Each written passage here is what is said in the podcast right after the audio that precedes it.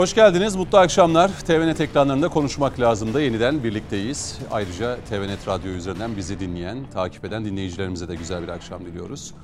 Üç konumuzla birlikte siyasi meseleleri, içeriği biraz daha, siyaseti biraz daha konuşacağımız program olacak. Ee, İstanbul stüdyomuzda güvenlik ve terör uzmanı Star Gazetesi yazarı Coşkun Başbuğ bizlerle beraber. Coşkun Bey hoş geldiniz. Hoş bulduk, iyi akşamlar Cüneyt. Ee, gazeteci Ceyhun Bozkurt bu akşam bizlerle beraber. Hoş geldiniz Ceyhun Bey. Hoş bulduk, iyi yayınlar dilerim. Ee, Yeni Şafak gazetesi yazarı aynı zamanda demirhaber.com genel yayın yönetmeni Mehmet Metiner bugün bize Ankara'dan iştirak ediyor. Doğru mu? Yer meçhul. Yer meçhul. Peki yer bildirmiyoruz, mevki bildirmiyoruz. Hoş geldiniz. Ben geldim Mehmet abiyi bulamadım bak. evet. Ben her yerdeyim. Peki. Hoş geldiniz. Ee, iyi bir program olmasını diliyorum tüm e, katılımcılarımıza ve konuklarımıza. Ee, malum yerel seçimlere doğru giderken siyasette yaşanan gelişmelere bakacağız. Dün mecliste biliyorsunuz e, Can Atalay'ın milletvekilliği düşürüldü. Mecliste, meclis kürsüsünde yaşananları ve sonrasında TİP ve DEM Parti'nin karara tepkileri, işte sokağa sokak çığırtkanlığı e, bunları biraz konuşacağız programın açılışında başında. Kararı hazmedemeyenlerden neden sokağa çağrısı geldi? Bunun e, cevabını alacağız. E, CHP'de adaylar belli oluyor ama adaylar belli olurken de CHP'ye yönelik eleştiriler ciddi anlamda artmış durumda. Aday gösterilmeyen isimlerin e, CHP yönetimini çok sert cümlelerle eleştirdiğini görüyoruz. En son CHP'nin İzmir adayının Cemil Tugay olmasıyla birlikte Tunç Soyer'den eleştiriler geldi. Sadece e, aday gösterilmeyen isimler değil, muhalefete yakın medya mensupları ya da yayın organları da CHP bu kafayla giderse özellikle İzmir'de aday ve adaylar hususunda Uğur Dündar e, CHP bile bile İzmir'de kaybeder şeklinde bir değerlendirme yaptı. E, bunu değerlendireceğiz. Sonrasında İyi Parti ve CHP'li belediyeler arasında billboard yasağı konusunda Meral Akşener'in bugün grup toplantısında söyledikleri dikkat çekmişti. Başak Demirtaş olayı artık e, ciddi bir e, mesele. E, yani bu kararı kim verecek? Dem mi verecek? Kandil mi verecek? Olası adaylığı İstanbul yarışını nasıl etkileyecek? Bunları konuşacağız. O zaman başlayalım Can Atalay'la. Dün karar mecliste okundu ve Can Atalay'ın milletvekilliği düştü. Tabii Atalay'ın vekilliğinin düşürülmesiyle birlikte pek çok siyasiden de yorumlar geldi. Hatta bu konuda Anayasa Mahkemesi ile Yargıtay'ın bile karşı karşıya geldiği, hatta karşı karşıya getirilmek istendiği süreci de hep birlikte gördük, tanıklık ettik. İlk sözü e, Mehmet Metiner'e vermek istiyorum Can Atalay ile alakalı. Kararı hazmedemeyenlerin e, halkı sokağa inin çağrısını nasıl değerlendiriyorsunuz? E, tabii burada Anayasa Mahkemesi'ne Can Atalay'ın kararı götürülür mü? Kim götürür? Tip mi götürür? Dem mi götürür? CHP mi götürür size göre? Buyurun. Teşekkür ederim. Ee, denbirhaber.com sitemizdeki başyazımda bu konuyu etraflıca işledim. Ee, merak edenler olursa o başyazımıza müracaat edebilirler. Hepsini burada anlatmam imkansız çünkü. Anayasa Mahkemesi e, bana göre 61 anayasası ile birlikte sistemin içine monte edilmiş bir vesayet odağıdır. Bu vesayet odağına Türkiye Büyük Millet Meclisi'nin bireysel başvuru kapsamında çok daha geniş yetkileri, üstelik de e, belirsiz bir çerçeve içindeki geniş yetkileri tanımasını e, son derece sakıncalı buluyorum. E, ne yazık ki bizim meclisimiz çoğunluğunu bizim partimizin oluşturduğu meclisin e, Anayasa Mahkemesi'ne, Avrupa normlarına uygunluk çerçevesinde verdiği bir yetkiydi ve bu yetkinin de bir e, e, temiz mahkemesi sıfatıyla e, kullanıldığını görüyoruz. E, yüksek yargının verdiği karar doğru bir karardır. Bakınız e, Anayasa Mahkemesi konumu gereği yüksek yargının ve de yargının üstünde bir temiz mahkemesi değildir. Ama biz bireysel başvuru hakkı kapsamında tanımış olduğumuz yetkilerle Anayasa Mahkemesi'ni bu şekildeki bir konuma oturttuk. Zaten bir vesayet odağıydı eline geçirdi bu yetkilerle birlikte de şimdi süper temiz mahkemesi gibi işlev görmeye başladı.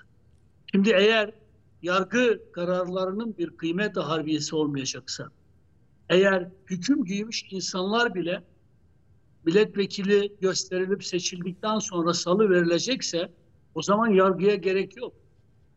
Yargının esas aldığı kanunların e, doğruluğu, yanlışlığı, adalete uygunluğu tartışılabilir.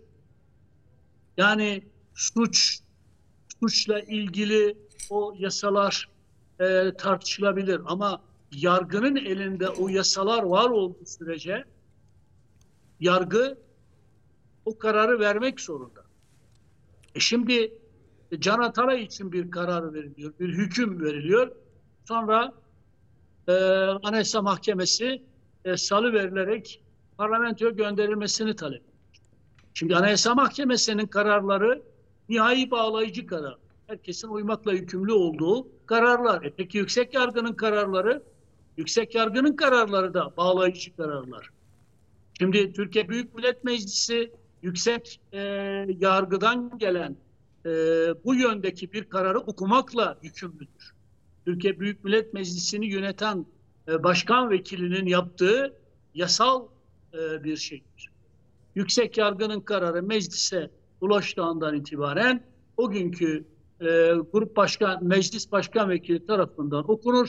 Okunduğu andan itibaren de e, milletvekili düşer. Şimdi burada iç içe geçmiş yanlışlıklar söz konusu. Bir, Anayasa Mahkemesi'ne tanınan o bireysel başvuruyla ilgili belirsiz geniş yetkilerin tanınması son derece yanlıştı. Bunun ivedilikle düzeltilmesi gerekiyor. Nasıl, ne şekilde düzeltilecekse düzeltilmeli. Bu düzeltilmediği sürece Anayasa Mahkemesi bundan sonra da yetki gaspı yoluna girecektir. İki, yüksek yargının vermiş olduğu karar mevcut, mevcut yasalar çerçevesinde bağlayıcı bir karardır. Dolayısıyla Anayasa Mahkemesi kendisini yüksek yargının üstünde göremez. Yüksek yargının kendi kararına kararında e, diretmesinin kendi yasallığı çerçevesinde bir karşılığı var. Türkiye Büyük Millet Meclisi'nin de uyması gereken Anayasanın 84. maddesi ve meclis iş tüzüğümüz gereği uyması gereken amir hükümler var. Buna göre yüksek yargıdan herhangi bir milletvekili hakkında kesinleşmiş bir hüküm varsa onu okumakla yükümlü. Kendisine ulaştığı andan itibaren okumakla yükümlüdür. Okuduğu andan itibaren de o seçilen kişinin milletvekilliği düşer. Burada sorulması gereken can alıcı soru şudur. Bir, sistemik bir sorun vardır. Bu sistemik sorunun ivedilikle çözülmesi gerekiyor. Bunun için yeni bir anayasa yapılması şart. Hı hı. Anayasa Mahkemesi'nin yetkilerinin yeniden tanzim edilmesi, AYM'nin e, mutlaka yeniden yapılandırılması şart. Ama bu iç, bunun için eğer zaman e, gerekiyorsa ki gerekiyor, o zaman bireysel başvuruyla ilgili yetkilerin çerçevesinin çok net bir biçimde hmm. belirlenmesi gerekiyor. Meclisin bunu yapması gerekiyor. Bunu yapmadığı sürece Anayasa Mahkemesi'nin bu yetki gaspı bundan sonra da devam edecektir. Yüksek yargının kendi içindeki direnişi Anayasa Mahkemesi'ne karşı bir başkaldırı olarak nitelendirilemez. Tam tersinde kendi yargısal hukukunu korumakla alakalıdır. Eğer yüksek yargının vermiş olduğu bir kararı Anayasa Mahkemesi bozacaksa, yüksek yargı kararıyla verilen bir hükmü e, Anayasa Mahkemesi bozacaksa, içeri aldığını Anayasa Mahkemesi salı verecekse o zaman mahkemelere gerek yok. Hmm. Bu e, mahkemelerin ilgası anlamına gelir. Bir diğer husus, esas can alıcı soruya geliyorum. Lütfen herkes buraya dikkat etsin. Bir, belediye başkan adayı. İki, milletvekili adayı. Peki kardeşim bunların seçilmeleri halinde bu tür bir sistemik krize yol açabilecekleri düşünülüyorsa niye bunların e, adaylıklarını başvuru aşamasında reddedecek bir mekanizmamız, yasal mekanizmamız yok? Yüksek Seçim Kurulu yok mu? dolandırıcılık suçuyla ilgili ve benzeri suçlarla ilgili var.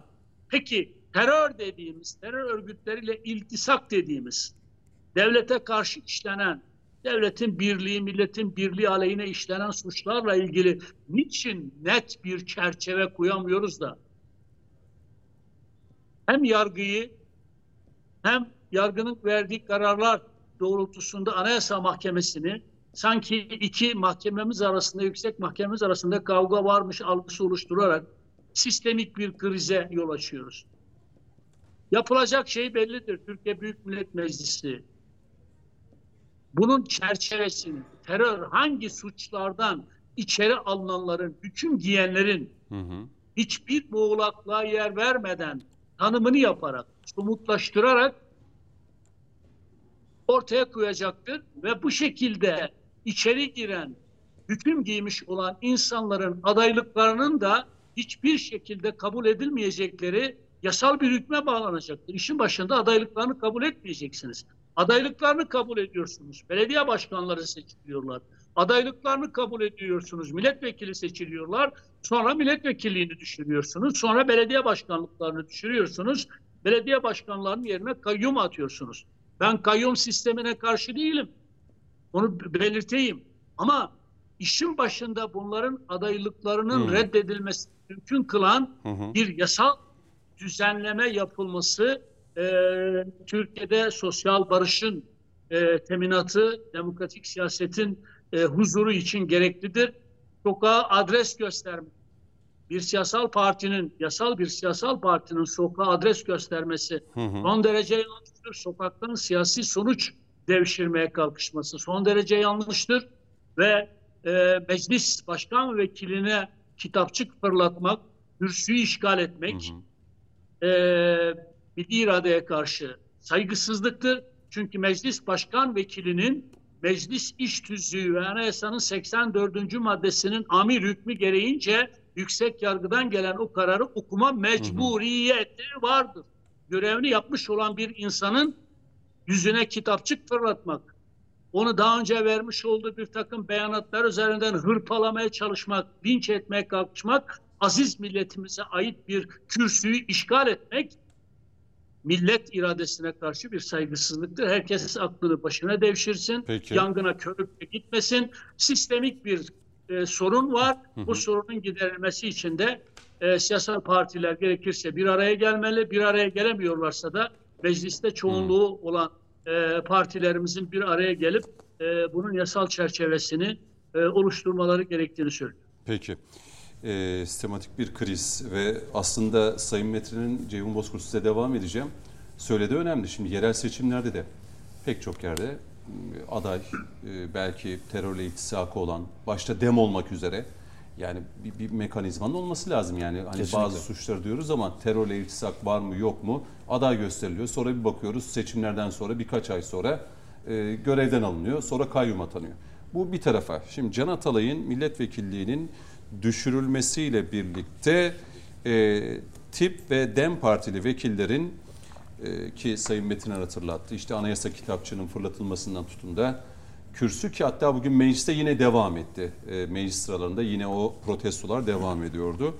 Ya siz bu olayı da iyi takip ediyorsunuz. Ben öyle biliyorum Can Atalay. Hatta Gezi Parkı hükümlerinden birisi değil mi? Gezi Parkı tabii, tabii, davası Gezi hükümlerinden davası. birisi. Niye Atalay e, mevzusu bu kadar? Avrupa'da da çok konuşuluyor şu anda.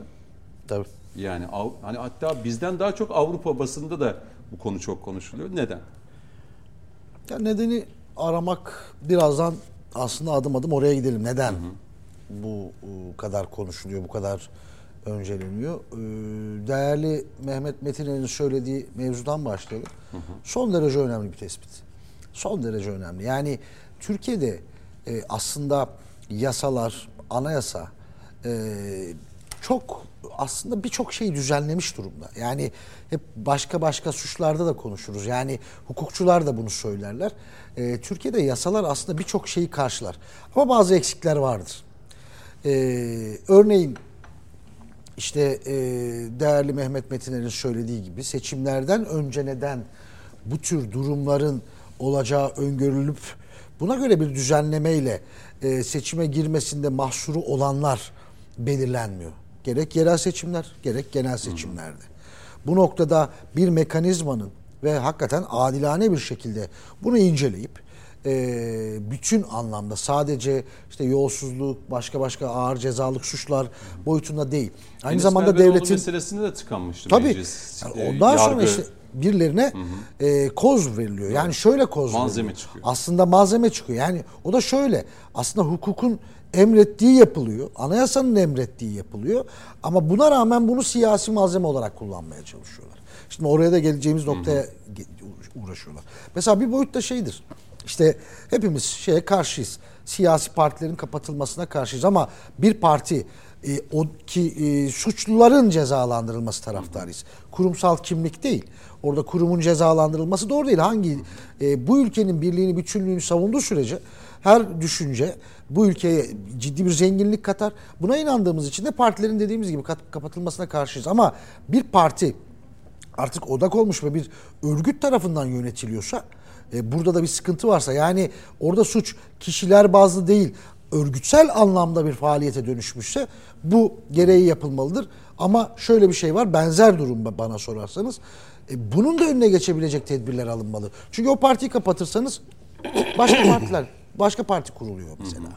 Yani benzer bu, bu tür önleyici tedbirlerin alınması gerekiyor hukuki ve anayasal anlamda tabii ki. Hukuka uygun. Çünkü e, bu meselelerde de e, güvenlikle bağlantılı diyelim. Yani e, konularda güvenlik özgürlük dengesinin de çok iyi ayarlanması gerekiyor. Ama bunlar hakikaten çok elzem konular. Bir de siyasi partiler niye hüküm giymiş ya da davası olan Tabii.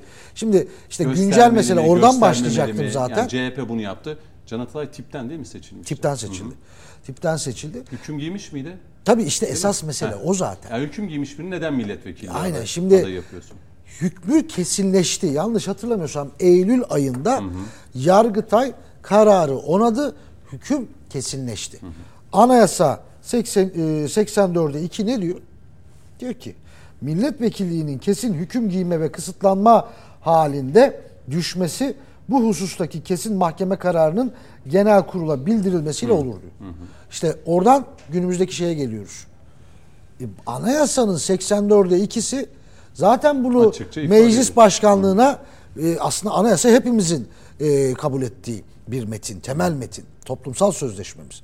E, meclis genel e, başkan vekili, meclis yönetimi anayasanın 84'e 2'yi uygulamış. Bir hüküm ulaşmış, kesinleştiği ulaşmış, karar ulaşmış ve bunun okunması gerekiyor. Bunu okumuş. Burada bir suç Peki yok. tamam. Burada eleştirilecek metin bir boyut yok. okunurken tipi anladım. Dem de oraya geldi. Peki CHP ki e, Sayın Metin'in söylediği gibi Bekir Bozdağ yani e, meclis başkan vekili o gün e, Sayın Bekir Bozdağ'dı. Anayasa kitapçığını f- e, fırlatan da şey CHP milletvekili. Tabii. Ya mesele şu bakın Türkiye'de muhalefetin e, birazdan konuşacağımız konularla da bağlantısı var. Muhalefetin durumu demle tipi dediğiniz gibi az çok anlıyoruz. Niye anlıyoruz? Biliyoruz daha doğrusu. Anlamıyoruz. Yani anlamakta hakikaten çok zorlanıyoruz ama Genetikleri biliyoruz. yakın mı diyelim Ha, birbirlerine ya da birbirlerine DNA'ları? genetikleri yakın, e, hedefleri belli, E, çok yakın hedeflere sahipler. Ondan sonra bu noktada e, onların saldırgan tutumunu anlıyoruz. Artı kaostan beslenmeyi, e, kargaşadan beslenmeyi e, ne diyelim yapılarında e, oturtmuş yapılanmalar bunlar. CHP, mevcut CHP yönetiminin ne farkı var peki? Hani dediniz ya hani demle tipi anlıyoruz. CHP'nin ne farkı var bunlardan? Günümüzdeki CHP'den bahsediyorum. Merhum Deniz Baykal'ın CHP'sinden bahsetmiyorum. Ya Ondan o zaman da tartışmalı. Gazi Meclis Mustafa Kemal Atatürk'ün vesaire. CHP'sinden. Ama hani hani bu meselede gelip de orada hatta bir kadın milletvekilinin anayasa kitapçının meclis başkanlığı kürsüsüne Bakın, şöyle bir Atması. durum var. Türkiye'de muhalefetin durumu, o dünkü görüntüler, muhalefetin aslında Türkiye'de e, yapacak hiçbir şeyi olmadığını, bu çerçevede yapabileceği tek şey sokak üzerinden kaotik bir ortam. Hatta bana sorarsanız bu muhalefetin üstünde bir şey. Daha doğrusu muhalefetteki partilerin üstünde bir şey bu. Çünkü Türkiye'de muhalefet bir şey üretemedikçe dünyanın her yerinde böyledir. Sonuçta biz neyi savunuyoruz? Biz muhalefet yok olsunu savunmuyoruz. Tam tersine güçlü, alternatif siyaset üretebilen, e, ondan sonra bu ülkeye katkı yapabilecek, iktidarla muhalefetiyle bir yarış halinde olup Türk demokrasisini, Türk siyasetini, Türkiye Cumhuriyeti'ni güçlendirecek bir siyaset mekanizmasını savunuyoruz. Ama Türkiye'de bir muhalefet sorunu var dediğimiz nokta bu. Türkiye'de muhalefet olmadığı için, gerçek anlamda bir muhalefet olmadığı için belli odaklar bunun muhalefet seçmeni üzerinden kaotik seçmenini kaosa sürükleme noktasında fırsat bulmaya çalışıyor. Fırsat arıyorlar. Bu fırsatları da muhalefetin içinde bazı unsurlar, kişiler bu onlara veriyor. Nedir? İşte sokak çağrıları. Biz mesela şuna karşı değiliz bu Yani Gezi Anayasal Parkı haktır. hükümlüsünün üzerinden Tabii. bir Gezi Şimdi- Parkı da ortaya Aynen. çıkar mı? Bizim hepimizin savunduğu bir şeydir. Demokratik haklar çerçevesinde, anayasanın verdiği haklar çerçevesinde az önce söyledik güvenlik özgürlük dengesi. Bu çerçevede toplumsal taleplerin gerek mitinglerle, gerek kitlesel basın açıklamalarıyla tabii ki hükümetlerin eleştirilebileceği, e, ondan sonra belli politikaların eleştirilebileceği biz toplumsal gösterilere hiçbir zaman karşı olmadık. Çünkü bu anayasal haktır. Çünkü bugün biz eleştiririz, yarın başkası eleştirir. Ya öbür gün bir diğeri gelir eleştirir. Bu böyledir ve nedir? Bu geliştirir. Eksiği yediği görürüz. Ama bugün yapılan nedir? Türkiye'de muhalefetin yapmaya çalıştığı nedir? Yani muhalefet üzerinden muhalefet seçmenini sokağa dökerek yapılmaya çalışan nedir? Çalışılan nedir? Bir kaotik ortam. Evet. İşte Gezi Parkı olaylarını ha- hatırlayın. Birçok insanı bakın muhalif sesler, hükümeti eleştiriyoruz diye sokaklara çektiler. Ön planda kimler vardı? İşte CNN International'ların da özel yayınlarıyla kaosu yakıp yıkan, terörize eden, ondan sonra muhalefet kitlelerini terörize eden ya düşünün bir taraf e, Gezi Parkı'nda Atatürk resmi açarken diğer tarafta PKK terör örgütünün taleplerini ama kimin söylediği de önemli. Bakın hani toplumsal eylemler açısından söylenir. Kürsü bunu söylüyordu. Kürsü Atatürkçülerin taleplerini söylemiyordu. Atatürkçüleri o talepleri kitlesel halde söylemek için deyim yerindeyse kullandılar hükümete. O olaylar oydu. Ben şeyi hatırlıyorum. e, gazeteci olarak takip ettim ben o e, eylemleri. Kürsüde çıkıyor. Şimdi olaylar ne diye gerekçe ne? Gezi Parkı park olarak kalsın değil mi? Kürsüde AKM bir bakıyoruz yıkılmasın. PKK terör örgütünün talepleri Tabii söyleniyor. onlar çıktı. Ne Sonra alakası var Gezi şey, Parkı'yla? Sonra yeni havalimanı yapılmasın. Tabii yeni havalimanı Marmara yapılmasın, yapılmasın. Marmara yapılmasın. Baktık ki olay nereye yani gidiyor? neredeyse olay Hani Gezi operasyonlar Parkı durduruldu. kalsından evet evet or- oralara gitti. Yani İş oralara şimdi gitti. işte benzer bir şeyi ki aslında bu durum muhalefetin de ne kadar Hmm. aslında Türkiye'de zayıf, ne kadar güçsüz, aslında ne kadar Türkiye açısından, Türk siyaseti açısından da bir tehlike oldu. yok ya da öne Şimdi- koyabileceği bir proje yok. Ne oluyor? Tabii. Geçmiş şeylere hani bu şey gibi temizlik Ya, pilavı gibi. muhalefet seçmeninin çıkar. muhalefet seçmenini bu gruplar niye Konsolide terörize edebilecek. etmeye çalışıyor? Doğru. Çünkü Türkiye'de muhalefet yok ve bunun muhalefet seçmeni de biliyor. Doğru. Yani- bu arada tabii hani bu mesele çıkınca Demirtaş'ta Kavala da unutuldu. Avrupa için yeni bir şey e, var. O da Malzeme geldi. Bir cümle Evet, daha Can Akan, söyleyeyim. Buyurun alın. Coşkun, Coşkun Başbuğ. Başbuğ'a e, devredeyim o zaman. E, şunu da söyleyeyim, bu da dikkat çekici. Anayasa Mahkemesi HDP'nin kapatma kararı gibi bir davayı öteledikçe ötelerken, öteledikçe ötelerken bu davayla ilgili inanılmaz derecede jet hızında kararlar veriyor. Niye acaba? Çok enteresan. Çok uzun. Hatta ortada HDP diye bir parti de kalmadı. Parti kalmadı. Ee, Anayasa Mahkemesi neye Hazine yardımı da verecek? verildi. Evet verildi. O yardım HDP'ye verildiği halde Yeşil Sol Parti kullandı. Evet. Şimdi DEM Parti kullanıyor o parayı. Yani garip bir durum da var. Onu da e, kamuoyunun takdirde sun- Peki. sunmak lazım. Komutanım ne diyor bu konuda? Yani Zaten benim esas söyleyeceğim Ceyhun son noktada başlığı açtı. Şimdi tarafları şöyle tek tek değerlendirelim. Ortada bir anayasa mahkemesi var. Aldığı bir karar var. Can Atalay denen bir e, şahsiyet var. Bir de meclisin almış olduğu bir karar ve bir verdiği bir tepki var. Şimdi bunları birer birer incelediğinde Anayasa Mahkemesi'nden başlayacak olursak Anayasa Mahkemesi benim son dönemde şiddetle eleştirdiğim ve haddin hududunu aştığını düşündüğüm bir yapıya dönüşmüş durumda. Daha HDP'de zaten Anayasa Mahkemesi bana göre kimliğini gösterdi. Sen her yeriyle eleğe dönmüş bir partiyi, parti görünümlü bir terör yapısını öyle kapatmadan davayı uzatamazsın. Uzattığın takdirde ben buradan vatandaş olarak kükrerim. Bunun arkasında başka iş dönüyor derim. Ki ben bunu ilk defa değil çok defa söyledim. Hatta yazıma da taşıdım bu konuyu. Çünkü Anayasa Mahkemesi burada e, bana göre kasten bu süreci görmezden geldi. Yetmedi. Milletin yetimin, öksüzün payı ve hakkı dediğimiz parasını bu partiye hem de çok ciddi bir miktar. 500'ün üzerinde herhalde rakam. 500-600 milyon gibi bir He. rakamdan bahsediyoruz. Öyle bir rakamı bir anda enteresan bir Yaklaşık şekilde 500 milyon. 580 falan diye aklımda kalan rakam bir anda kullanıma açtı.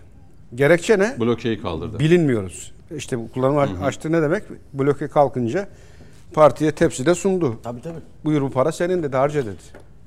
Feveran ettik. Ya dedik bu nasıl bir şey? Yani yoldan herhangi birine sorsan hiç hukukçu olmasına gerek Orada yok. şunu da söylediler. Ya kapatılırsa geri alırız. E hadi alın bakalım. Para kaldıysa. Ya o bir kandırmaca. Ben burada her şey e, açık ve net söylenmesi Tamam. gerektiği kanaatindeyim. HDP kapatma davasında bu tavırdayız. Şimdi Can Atalay'da Şimdi bak Can Atalay'da Ceyhun'un söylediği konu önemli. Orada kılın kıpırdamazken Can Atalay'da niye bir anda tetiklenip feverana verip ortalığı bu noktaya getirdin? Ki haddini hududunu aştı Anayasa Mahkemesi.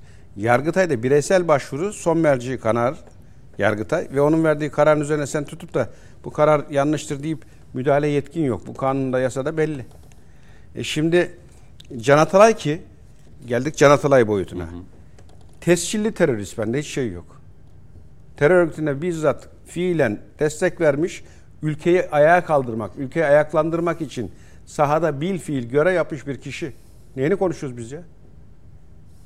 Gezi olaylarına bugün ah çiçek böcek diyecek bir tane Allah'ın kulunu gösteremezsin. biz Can Atalay'dan çok verilen tepkiler yapılan çağrıları daha çok konuşuyoruz ya da Anayasa Mahkemesi'nin tavrını konuşuyoruz. Ama bir dakika şimdi sen eğer ben Can Atalay'ı özgürlükte elimde pankartla gidiyorsam o işin boyutu farklı İşte olur. onu diyoruz niye? Yani CHP de niye o şeye İşte sana söylüyorum savunduğu kişiyi biz kitabı ortadan okuyoruz. E Can Atalay diye biri var vekil e bunun hakkı yeniyor bu milletvekilliği olduğu halde hala içeride tutuluyor. Ya gelsene bir geçmişine bu adam ne yapmış ne etmiş. Gezi olaylarına biz yırtındık. Artık yırtılmaya da gerek yok. Herkese anladı gördü. Ağaç böcek çiçekle başlayan. Senin de az önce ifade ettiğin gibi bir anda e, masaya oturuyorsun. Nedir derdiniz hemşerim? Yeşil diyorsunuz. Size binlerce ağaç dikelim. Hayır. İsteklerimiz belli. Nedir? Boğaz Köprüsü 3. köprü iptal. Havalimanı inşaatı durdurulsun. Ya Almanya da söylüyor aynı şeyi. Alman istihbaratı söylüyor. Türkiye'nin yaptığı 3. havalimanı diyor Almanya için büyük bir maddi kayıptır derhal durdurulmalı diyor. Kime çalışıyorsun? Alman istihbaratı takmış boynuna yuları çektikçe konuşuyorsun. Bana yeşil böcek çiçek diye çıktın. Karşıma geldin bana havalimanı diyorsun. Köprü diyorsun. Çok arkadaşım var. O ilk başta rüzgara kapılıp gezi olaylarında baktık ki PKK sloganları atılıyor. Baktık iş başka yere gidiyor. O bu iş başka deyip kaçtık diyen yüzlercesi var. Oraya katılanlar da anladı bu işin farklı odaklardan yönetildiğini, yönlendirildiğini. Cüneyt 3 tane kritik biz eşikten döndük. Hendek, Gezi, 15 Temmuz. Bunların hiçbirinin birden farkı yok. Hangisi tutsaydı Allah korusun ülkeyi bambaşka yere getirirdi. Ya Gezi olaylarını şöyle bir canlandırın ya bir film şeridi bir geçsin. çabuk unutuyoruz. O. Bankaların yakıldığı, kamu araçlarının talan edildiği, sokakların kan gölüne döndüğü bir an hatırlayın o günleri ya. Öylesi bir günün faillerinden birini konuşuyoruz biz şu an. Ve kitabı da ortadan okuyoruz. Mazlum var, hakkı var, hakkı yeniyor. Mazlum falan değil. Bildiğin terör örgütüne destek veren bir yapı ve akıl. Ve bu aklı bu noktaya getiren de haddini aşarak getiriyor. Ama Anayasa Mahkemesi öyle demiyor. Şimdi Anayasa Mahkemesi e, bir şey söylüyor. Yargıtay olmaz diyor. Karar böyle diyor olmalı diyor. Uygulanmalı. Hadi bu doğrudur kriz, burada. Tamam. Yo yo ben. Şimdi birileri de diyor ki kardeşim işte diyor Avrupa'nın eline verdin işte insan hakları, özgürlükler, demokrasi, Türkiye otur sıfır. Ya zaten o e, burada hani özgürlük diyenler var ya o Avrupa Birliği'nin Ben tetikçileri. şimdi onların dediklerini burada söylüyorum yani. İşte Şimdi- tamam mı? Söyledikleri, işte söylediğin yerler zaten o sahada kullandığı aktörler üzerinden o süreci oraya getiriyor. Ve onu da kendine malzeme yapıp şu an Türkiye aleyhine bir kampanya yürütmenin derdinde. Herkes işine baksın. Şimdi burada bahsetmiş olduğumuz süreçte Can Atalay'ın hani vekilin düşürülmesi çok geç kalınmış bir karar. Bak çok geç kalınmış bir karar. Bu çok daha öncesinden bu yapılmalıydı. Hatta ilk daha gündeme düştüğünde bu tartışıldı. O zaman ne duruyor? Meclise direkt düşürün milletvekilliğini.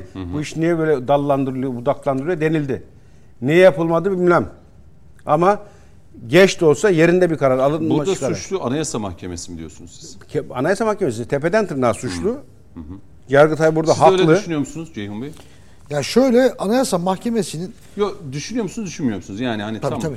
Peki. Sayın Metiner de aynı şeyi düşünüyor galiba. Elbette yani burada şimdi Anayasa Mahkemesi'nin normal haddini aştığı hatta yanlı davrandığı ben açık açık söylüyorum ya. Bir başka esas e, görev alanı olan bir konuyu görmezden gel. Esasla ilişkisi olmayan bir davayı da öncele ve bir anda Yargıtay'ın kararı yanlış deyip gündem oluştur. Peki Yüksek Seçim Kurulu burada İşte ha, oraya- devreye girmiyor yani. Şimdi Anayasa Mahkemesi'ne biz şey diyoruz da e, Yüksek Seçim Kurulu buna Ya- bakmıyor mu? Ya bak zaten bu, bu zaten- çok konuşuldu, zaten- tartışılıyor. Evet ben de tartışıyorum. Oradakiler de hakim, yüksek hakim Hayır, bir de ben onlar. de ben de tartışıyorum. Hı hı. Normalde zaten buna seçilme hakkı verilmemeliydi. Niye? Çünkü az önce 84. madde işte birkaçını okudu Hmm. Ceyhun da herhalde. Ee, o başlıklardan birini. açık açık Yani Yüksek Seçim Kurulu kimi aday gösteremez? Ben yani bakmamız lazım belki reklam arasında. Ya işte bir yılı aşkın süredir yani herhangi bir ceza vesaire ki bak burada haklı olduğu taraf da şu. Bazıları oradan tutturmaya çalışıyor. Ee, işte vekillik olduğu için dokunulma. Ya bu suçun yani soruşturmanın başladığı tarih zaten. evvelinden başlamış. Yani adaylıktan önce. Dolayısıyla bağlar onu. Ya Anayasa 14 açık zaten. Heh. Anayasa 14'te diyor ki anayasada yer alan hak ve hürriyetlerden hiçbiri devletin ülkesi ve milletiyle bölünmez bütün, bütünlüğünü bozmayı ve in- insan haklarına dayanan demokratik ve layık cumhuriyeti ortadan kaldırmayı amaçlayan faaliyetler biçiminde kullanılamaz diyor. Şimdi bu çok açık. Şimdi bu noktada da hüküm giymiş biri aday gösterilirse Nasıl? Bence bu çok açık, çok muğlak. Ha şöyle 83. maddenin ikincisinde de zaten şey yapıyor. Ve milletiyle bölünmez bütünlüğünü ne aykırı hareket etmiş. Ne yapsan yani yasalarda bu çok net, çok anlaşılır, çok somut bir biçimde çerçevelenmiş değil. Doğru doğru, doğru konuşalım. Mahkeme kararında net bir şekilde devletin yani böyle bir karar var. Şimdi bak Mehmet Bu abinin dediği şu. Nedir? Ya bunu tartışın ya tartışın. Yani. Lafını- Devletin bölünmez ve bütünlüğünü bozma eylemi nedir? Şimdi Bunu bak- açabiliriz. Bu, bu ayrı bir öneri. Ben şu anlamda açık diyorum. Can Atalay bu konuda ceza yemiş mi? Yemiş. Bir hüküm var mı? Var. Şimdi bu noktada ceza yiyen biri ha Mehmet abinin söylediği nokta şu. Yani Can Atalay'ı savunanlar diyor ki burası muğlak. Bir kere çünkü biz mahkeme kararına da itiraz ediyoruz diyorlar. Ve burası da muğlak. Bu muğlaklık bir kere Can Atalay'ın suçlu olmadığını gösterir diye bir savunma da var. Bak şimdi 84. maddeyi okuyayım. Diyor ki 30 yaşını dolduran her Türk milletvekili seçilir. Bitti. Tamam. Devam ediyor. En az ilkokul mezunu olmayanlar. O hangi anayasa? 30'u 30 yaşını dolduran artık 18 yaş. O eskidir. O eski. Eski olabilir. Yani ben şimdi o e, Bu alt maddesini... 84 He. e, milletvekilinin düşmesine En az ilkokul dönüştü. mezunu olmayanlar kısıtlılar, yükümlü olmasına ve muaf bulunmamasına rağmen muazzaf askerlik hizmetini yapmayanlar veya yapmış sayılmayanlar, kamu hizmetinden yasaklılar, taksirli suçlar hariç ağır hapis veya iki yıldan fazla hapis cezasına hüküm giyenler, affa uğramış olsalar bile zimmet, iktilas, irk- e, İrtikap. irtikap, rüşvet, hırsızlık, gasp, dolandırıcılık, sahtecilik, inancı kötüye kullanma, dolaylı e, iflas gibi yüz kırar suçlarda kaçakçılık, resmi ihale ve alım satımları fesat karıştırma, devlet sırlarını açığa vurma e, suçlarından biri ile hüküm giymiş olanlar. Şimdi Mehmet abi burada söylediği ek doğru. olarak şey var. Terör eylemlerine katılma. Tabii o ve yeni bu işte, gibi o 18 eylemleri yeni tahrik düzen. ve teşvik suçlarından biriyle hüküm giymiş olanlar affa uğramış olsalar bile milletvekili seçilemez. İşte ben devamını daha okumadım. E, şimdi Ceyhun'un dediği madde Peki, peki, peki Ceyhun çok doğru diyorum ben. Madem ki böyle niye atılıyor? Niye seçime sokuluyor? Türkiye Niye seçime sokuluyor diyor madem. Yo zaten orada destek veriyorum. Doğru söylüyorsun. Hayır, ne hakkı var? İşte Türkiye'yi böyle bir sıkıntıya sokmaya kimin ne hakkı var? İlgili yasa çok açık biçimde, demin okuduğun yasa çok açık bir biçimde belirtiyor.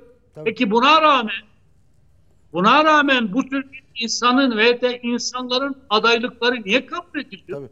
Onu Yani seçime mi? giriyor. Anayasa Kazanıyor. 76. madde ikinci fıkra. Onu da söyleyelim. 76. madde ikinci fıkra. Adaylığı kabul eden merci neresi? Yüksek, Seçim, Kurulu değil mi? Yüksek Seçim E, yüksek Seçim Kurulu yüksek hakimlerden oluşmuyor mu? Ya sadece yüksek hakimlerin artı burada şey de gerekli. Yani sonuçta burada emniyetin, istihbaratın bilgileri de gerekli yani. Sonuçta böyle bir mekanizma oluşturulmalı. Ha. Ben katılıyorum. Bir süreçten, bir süzgeçten geçirilmeli bu adaylar. Ee, yani e, ben Mehmet Betiner'e burada doğru katılıyorum hakikaten. Yani az önce de aslında farklı düşünmüyorduk da e, şu anlamda bir şekilde böyle bir süzgeçten geçirilecek mekanizmalar oluşturulmalı ve bu ülkeye şu tartışma yazık. Hakikaten haksızlık ediliyor bu ülkeye. İki gündür e, normalde anayasanın hükmettiği bir şey uygulandığı için mecliste meclis başkan vekiline anayasa fırlatılıyor. Meclis kürsüsü işgal edilmeye çalışılıyor. Niye? Bu mekanizmalar oluşturulmadı ve çalıştırılmadığı için Sanki hukuk çalıştırılmadı, Türkiye'de hukuk uygulanmadı gibi bir Tabii tablo. algı işte algıyı da yönetenler ya bakın kaç gündür sadece 1 Ocak'tan sonra 1 Ocak ve sonrasında yaşananlara bakın. Türkiye'de birileri zaten sokağa o germe şeyleri yapıyorlar. En son kiliseye yönelik saldırıyı da buna dahil edin. Fatih Camisi'ne yönelik, imamımıza yönelik saldırıyı dahil edin. Sokaklarda bir anda hilafet tartışmaları, bir anda e, kelime-i tevhid üzerinden yapılan işte bayrağı taşıyan vatandaşımıza saldırı, başka başka saldırılar.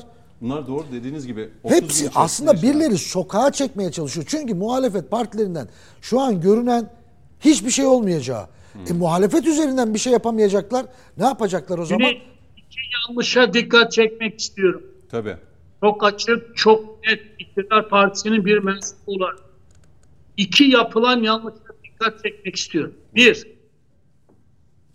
uluslararası normların kendi iç normlarımızın üstünde kabul edilmesi son derece yanlış. Çünkü uluslararası hukuk dediğimiz hukukun egemenlerin hukuku olduğunu, Gazze'de kan döken o alçakların hukuku olduğunu hepimiz biliyoruz. Buna rağmen biz kalkıp ne dedik? Uluslararası hukuk normları, uluslararası normlar iç hukukumuzun üstündedir dedik. Bir diğer hususta ne dedik? Efendim Avrupa Birliği'ne mutlaka girmeliyiz. Behemhal girmeliyiz. Bunun için de Avrupa normlarına uygun hukuk düzeni falan. Avrupa İnsan Hakları Mahkemesi'ni fetiş hale getirdik. Avrupa İnsan Hakları Mahkemesi bir konuda karar verdiğinden ilk hukuk farklı davranmış olsa bile onun üstüne bir yere oturttuk. O zaman yargıya gerek yok.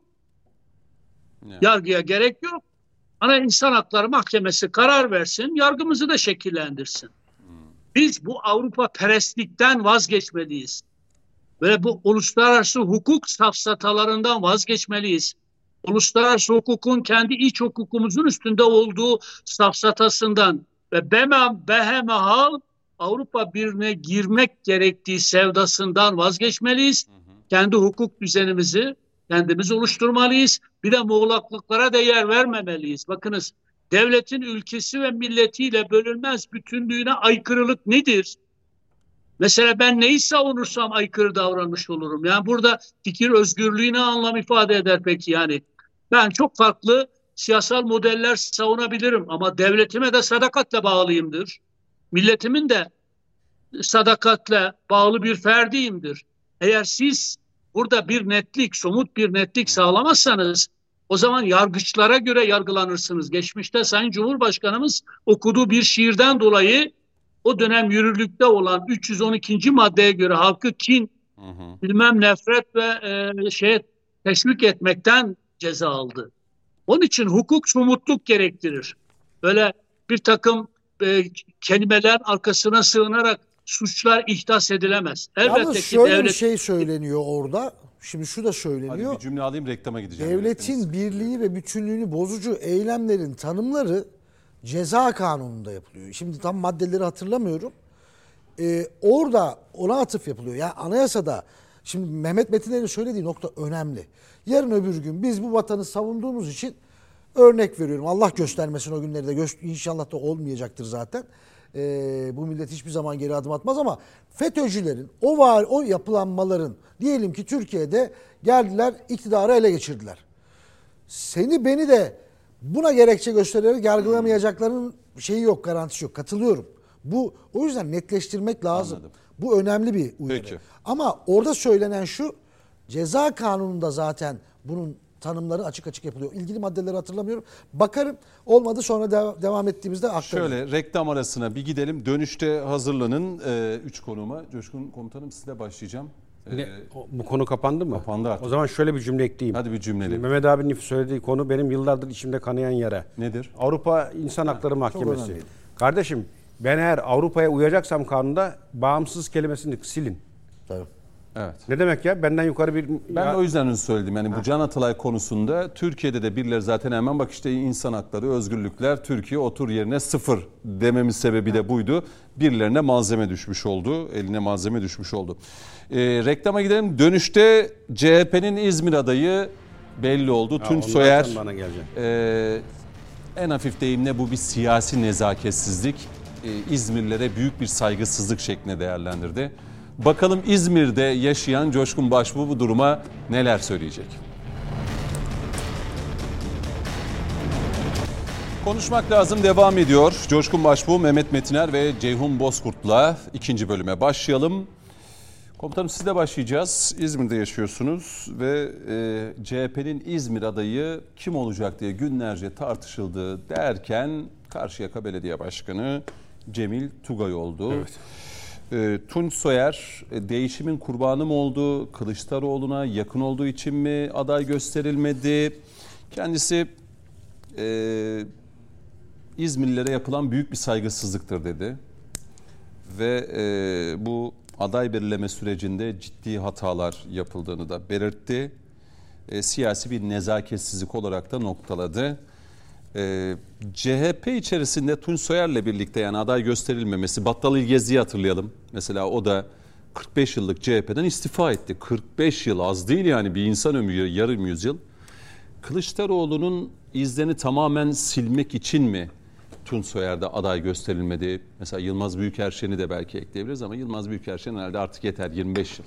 Şöyle e, delege sayısını bilmiyorum ama şeyde e, yani Tunç Soyer doğrudan Kılıçdaroğlu'na taraf olan ve e, Özgür Özel'lere karşı çıkan bir siyasi kimlikti. Ve o oylamada bir tek kişi Kılıçdaroğlu aleyhinde e, tavır aldı. O da e, işte Cemil Tugay'dı. O Evet evet evet o süreçte. tabii canım o süreçte İl ve ilçe kongrelerinde değil mi? Evet, o kongrede tek başına e, Özgür Özel'in yanındayım diyen kişiydi. O da mükafatını aldı. Yani zannetme ki sahada bir başarıdan dolayı e, getirip de İzmir Büyükşehir Belediye Başkanlığı'na aday gösterildi. Sadakatinden dolayı. Şimdi e, Tunç Soyer'in ben tepkilerini dikkatle takip ettim. Nezaketsizlik diyor ya. Ben hani şunu sormak isterim. Halk Partisi'nde nezaket kuralları çerçevesinde bir tane eylem göster bana. Herkes Kendisini çok nazik böyle şey kibar bir beyefendi olarak. Hayır, hayır. Çevresindekiler Ama- de öyle diyordu Tunç Soyer için. Belki o anlamda. İyi de kardeşim sen bir siyasi partinin içindesin.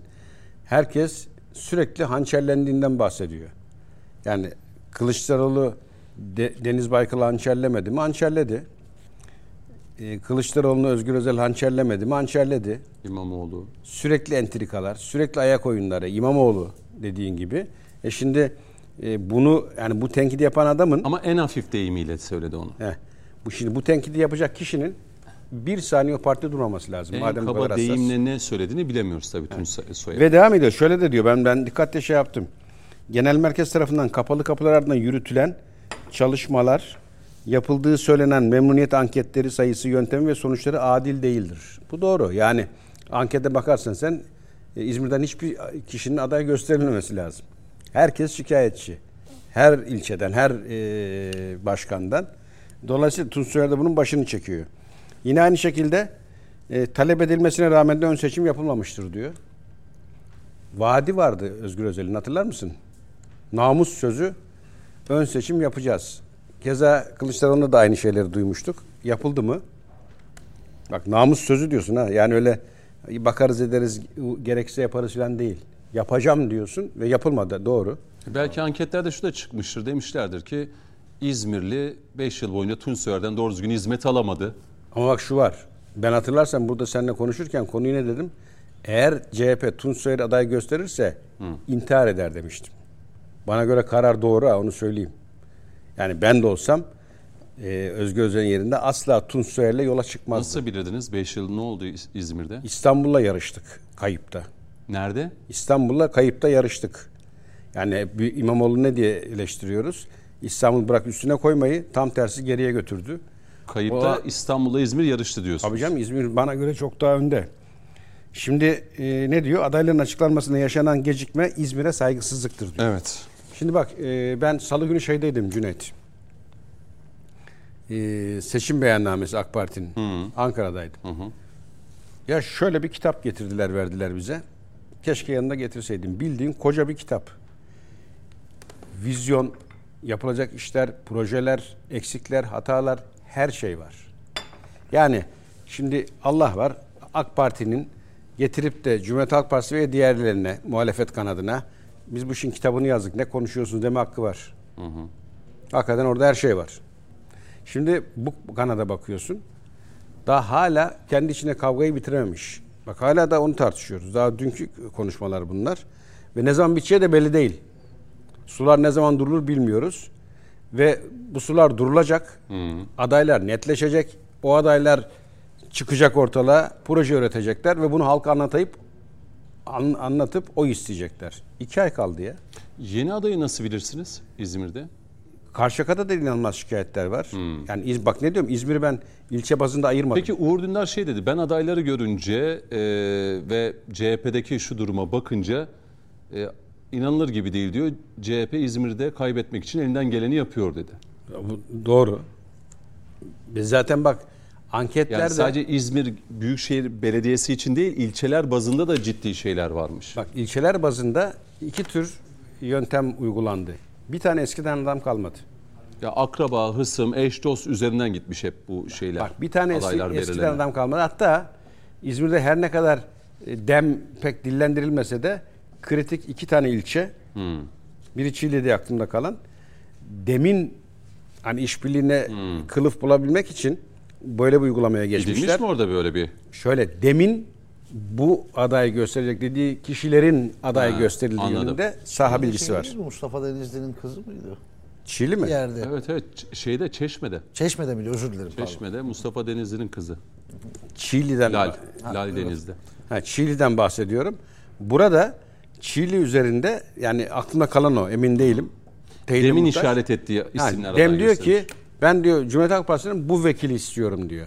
Hatta e, gene salonda değilim ama orada olandan aldığım bilgi şu. Adaylar tanıtılırken o bahsetmiş olduğum ilçelerin fotoğraf kısmının boş bırakıldığı mutabakat sonucu belirlenen adayımız diye başlık açıldığı şeklinde aldığım duyumlar var. Dolayısıyla e, bu tabloya baktığın takdirde neredeyse İzmir'in e, iki ya da üç ilçesi sabit kaldı. Diğerleri tamamı değişti. E, Mehmet Metin'e geçelim ama şöyle bitirelim. Tüm bu tabloya baktığında Soyer mutsuz, CHP'de İzmir ve ilçelerinde gösteren adaylar sonrasında CHP'de eleştiriler. Hatta CHP'ye yakın medya da CHP eleştiriyor. İzmir'de nasıl bir yarış görüyorsun, Ben, öngörüyorsun? bak ben e, Rakam demiyorum ama nasıl kafa Şöyle- kafaya böyle bir... rakam vermeyeceğim de. e, Çünkü CHP diyor ki biz diyor oraya kimi koysak aday seçilir. kardeşim. Şimdi bu tablo değişebilir. Bak bu tablo değişebilir. Neden biliyor musun? Cumhuriyet Halk Partisi'ni ben hep e, zaman zaman programlarda da bunu dillendirdim.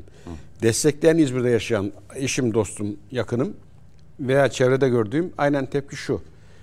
En kötü diyor ihtimal hani dediğin o e, t- terliğe verenler, oduna verenler sandığa gitmeyeceğim diyor.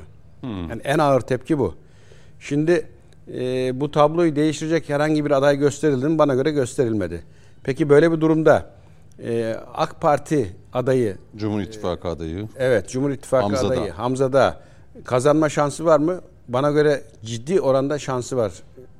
Cüneyt. Yani, hiçbir ezber dönemde bozula- olmadığı kadar AK Parti İzmir'de kazanmaya yakın diyor ezber bozulur. Çünkü anket sonuçlarında da bazen böyle kulağa gelen söylemler Bu var. anketlerden bağımsız diyorum. Yani genel itibariyle ortama baktığımızda siz Ben böyle bir olmadığı ihtimal- kadar yakın diyorsunuz. Çünkü böyle bir de. İyi Parti'nin aday çıkardığını görürsen zaten e, aritmetik e, ortalamalarda çok ilginç sonuçlar çıkabilir. Peki. Ben e, hani şu tabloya baktığım takdirde eğer biliyorsun 20'sine kadar herhalde bir süre var.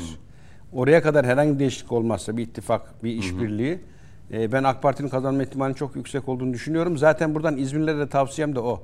Yani mevcut olanaklarla İzmir çok rahat ayağa kalkabilecek potansiyeli olan bir şehir. Fakat maalesef bu ön yargıdan dolayı bugüne kadar hmm. çok şey kaybettik. Yeni bir 5 yıl daha kaybetmeyi Yeni bir 5 yıl daha kaybetmek istemiyorsa bana göre e, artık ibre siz AK Parti'den önce şeye propagandaya başladı. Ver mührü diyorsunuz AK Hayır bak.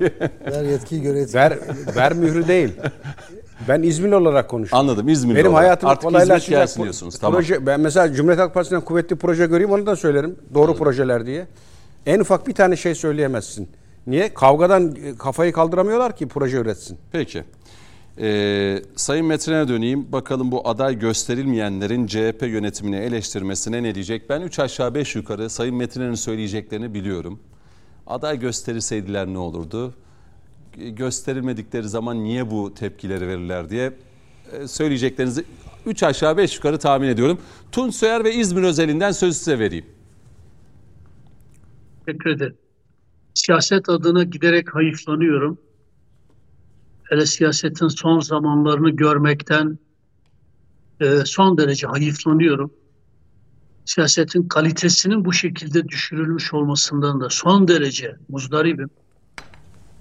Yani aday gösterenlerin, gösterilenlerin kendi, kendi liderlerini e, ancak bir peygamberi övebilecek şekilde öven tavırları aday gösterilmediğinde de zehir zemberek suçlamalar getiren tavırlarını gördüğüm andan itibaren doğrusu sadece siyasetten değil bu tip insanlardan tiksiniyorum artık. İğreniyorum. Ayıptır ya. Ayıptır, ayıp. İnsanda bir kişilik olur ya, bir ahlak olur. Siyasetin bir etiği vardır ya. Son güne kadar bekliyorsunuz, aday verildiğinde öve öve bitiremiyorsun partinizi, liderinizi ama aday gösterilmediğinizde de zehir zemberek suçlamalarda bulunuyorsunuz. İşte Kılıçdaroğlu taraftarı olduğum için, Kılıçdaroğlu'nu desteklediğim için falan. Yani bunda pay, bu, bu, bunda e, Kılıçdaroğlu yandaşlığı rol oynamamış demem. Bu beni de ilgilendirmez doğrusu. Yani Kılıçdaroğlu seçilseydi o da başka bir kriterle biçecekti. Siyasetin şeyi bu zaten. Biz kendi partimizde de bunu gördük. Her partide bunu görüyoruz zaten. Siyaset kıyıcıdır. Siyaset kendi partileri içinde de yandaşlık ilişkisidir, klik ilişkisidir. Kim kime yakınsa. Diyelim ki İzmir CHP'nin zaten kazanabileceği bir yerse orada kişinin çok yetenekli olmasına bakılmaz. Hmm. Kime ne kadar sadık olduğuna bakılır. Her denileni yapıp yapmadığına bakılır. Bu birçok partide bu böyledir zaten. Yani. Ama kazanamayacak yerlerdeki adayların seçiminde tabii ki kiminle kazanabiliriz ee, sorusu ağırlık kazanır. Hmm. Her partide temayül sonuçlarını hiç kimse bilmez. Anket sonuçlarını adaylarla, aday adaylarıyla ilgili yapılan anket sonuçlarını hiç kimse bilmez. Ama her partinin bütün aday adaylarına sorunuz herkes temayülden birinci çıktığını, anketlerden de birinci çıktığını söyler. Ama bir bakarsınız ki aday aday bile olmayanlar partisi tarafından aday gösterilir. Bir bakarsınız ki daha düne kadar partisine küfretmiş olan insan, liderine küfretmiş, o partinin liderine küfretmiş bir insan, partinin önünden geçmeyen bir insan veya da bir başka seçimde aday gösterilmediği için bir başka partiye giderek kendi partisine ihanet etmiş bir insan tekrar o parti tarafından aday gösterilir. Dolayısıyla Türkiye'de siyaset böyle yürüyor, böyle yürütülüyor. Ben prensip olarak şuna hiddetle ve şiddetle karşıyım. Soyer'in nezaketini bilirim. Kişisel ilişkilerinde ne kadar insani davrandığını da bilirim. Kendisine haksızlık etmek istemem. Hı hı. Siyaseten görüşlerimiz ayrıdır, siyasal görüşlerimiz ayrıdır. İzmir'e hizmet yapıp yapmadığıyla ilgili değilim çünkü ben İzmir'de yaşamıyorum ama İzmir'e her gittiğimde sadece karşımda büyük bir kasaba görüyorum. Hmm. Bir metropol kenti değil İzmir. 2019'da İzmir'in Karabağlar ilçesinde partim adına, AK Partim adına e, gece gündüz demeden çalıştım. Burada Karabağlar'daki dostlarımıza, arkadaşlarımıza selamlarımı, saygılarımı gönderiyorum. İzmir az buçuk biliyorum. Ama yani Ben aday gösterilmediğinde bir aynı gün saf değiştirenleri Mesela Battal İlgezdi için de aynı şeyi düşünüyor musunuz? evet Battal benim kişisel dostum ama o açıklamalarını son derece yanlış buluyorum. Son derece yanlış buluyorum. Söylediklerinin tamamı doğru olsa bile yöntem yanlış, zamanlaması yanlış. Çünkü Battal eğer gösterilmiş olsaydı o lafların hiçbirisini etmeyecek. Yılmaz Büyükerşen o lafları ettikten sonra artık Özgür Özel'in verdiği hiçbir görevi kabul etmemeliyim. Şunu, şunu demeye getiriyorum. Buyurun. Son zamanlarda siyasetin insan kalitesi de, siyaset yapma kalitesi de, yapma biçimi de o kadar çok düştü ki. Kendi adıma hayıflanıyorum, kendi adıma üzülüyorum. Ee, bir, bir diğer bir diğer husus şu, rica ediyorum, kendi partimden rica ediyorum. Lütfen ya CHP'nin iç işlerine bu kadar çok karışmayın. Ya. Bırakın ya birbirleriyle hesaplaşacaklarsa hesaplaşırlar yani. Şimdi bizim partimizin içinden de biliyorum. Diyelim ki biz bir söz söylediğimizde eğer karşı taraf bunu aleyhimize kullandığını gördüğümüz andan itibaren kenetleniyoruz. Doğrusu da bu. E şimdi battala sahip çıkıyorsun. Tonsuer'e sahip çıkıyorsun. Yok Kemalciler tasfiye ediliyor. Yok şu bu. Ha ne oluyor ondan sonra biliyor musunuz? Battalla Onur adı güzel kucaklaşıyorlar. Tırnak içinde düşmana malzeme vermeyelim. Biz böyle birbirimizle kavga edersek işte AK Parti'nin değirmenine su taşımış oluruz. Durup dururken zaten birbiriyle kavgalı olan bir yapıyı kendimize karşı birleştiriyoruz. Ya. Ne kadar çok maharetliyiz bu konuda ya. Biz söylemlerimize ağırlık veren, hizmetlerimize ağırlık veren, projelerimize ağırlık veren Evet. bir e, tarzı esas almalıyız. O yüzden Tonç Soyer şöyle dedi, İmamoğlu böyle dedi, tekisi bilmem ne dedi. Kendi hallerine Ya bırakalım diyorsunuz. Kendi hallerine bırakalım. Ben bırakmamız gerektiğine inanıyorum. CHP tabanı da zaten e, gerekeni yapacaktır. Zaten görüyor yani. İki, iki aynı zamanda da milletimiz gerekeni yapacaktır. Bir kez daha rica ediyorum. Partimiz adına konuşan herkesten rica ediyorum. Benim böyle bir yetkim yok, böyle bir gücüm yok ama çok fazla İmamoğlu eleştirisi, çok fazla CHP'nin içine yönelik bu tür eleştiriler. Ee, inanınız ki, inanınız ki son kertede onların bize karşı birleşmesini sağlamaya yarıyor. Ee, bundan vazgeçmeliyiz. İşte düne kadar biz kendi ekranlarımızda da birilerini çıkartıyorduk. İsim vermeyeceğiz. Ben de bir iki defa kendisiyle tartıştım. Bugün Can Atalay yorumunu gördüm. Özgür Özel'den daha keskin. Yok birbirlerinden farkları ama iktidar kavgalarında bazen birbirlerinden farklılaşıyorlar. Biz de onları kullanma gereği hissediyoruz. Ama unutmayalım ki içimizden birileri çıktığında da onlar da bu birilerini bize karşı kullanıyorlar. Biz özgüveni olan bir partiyiz.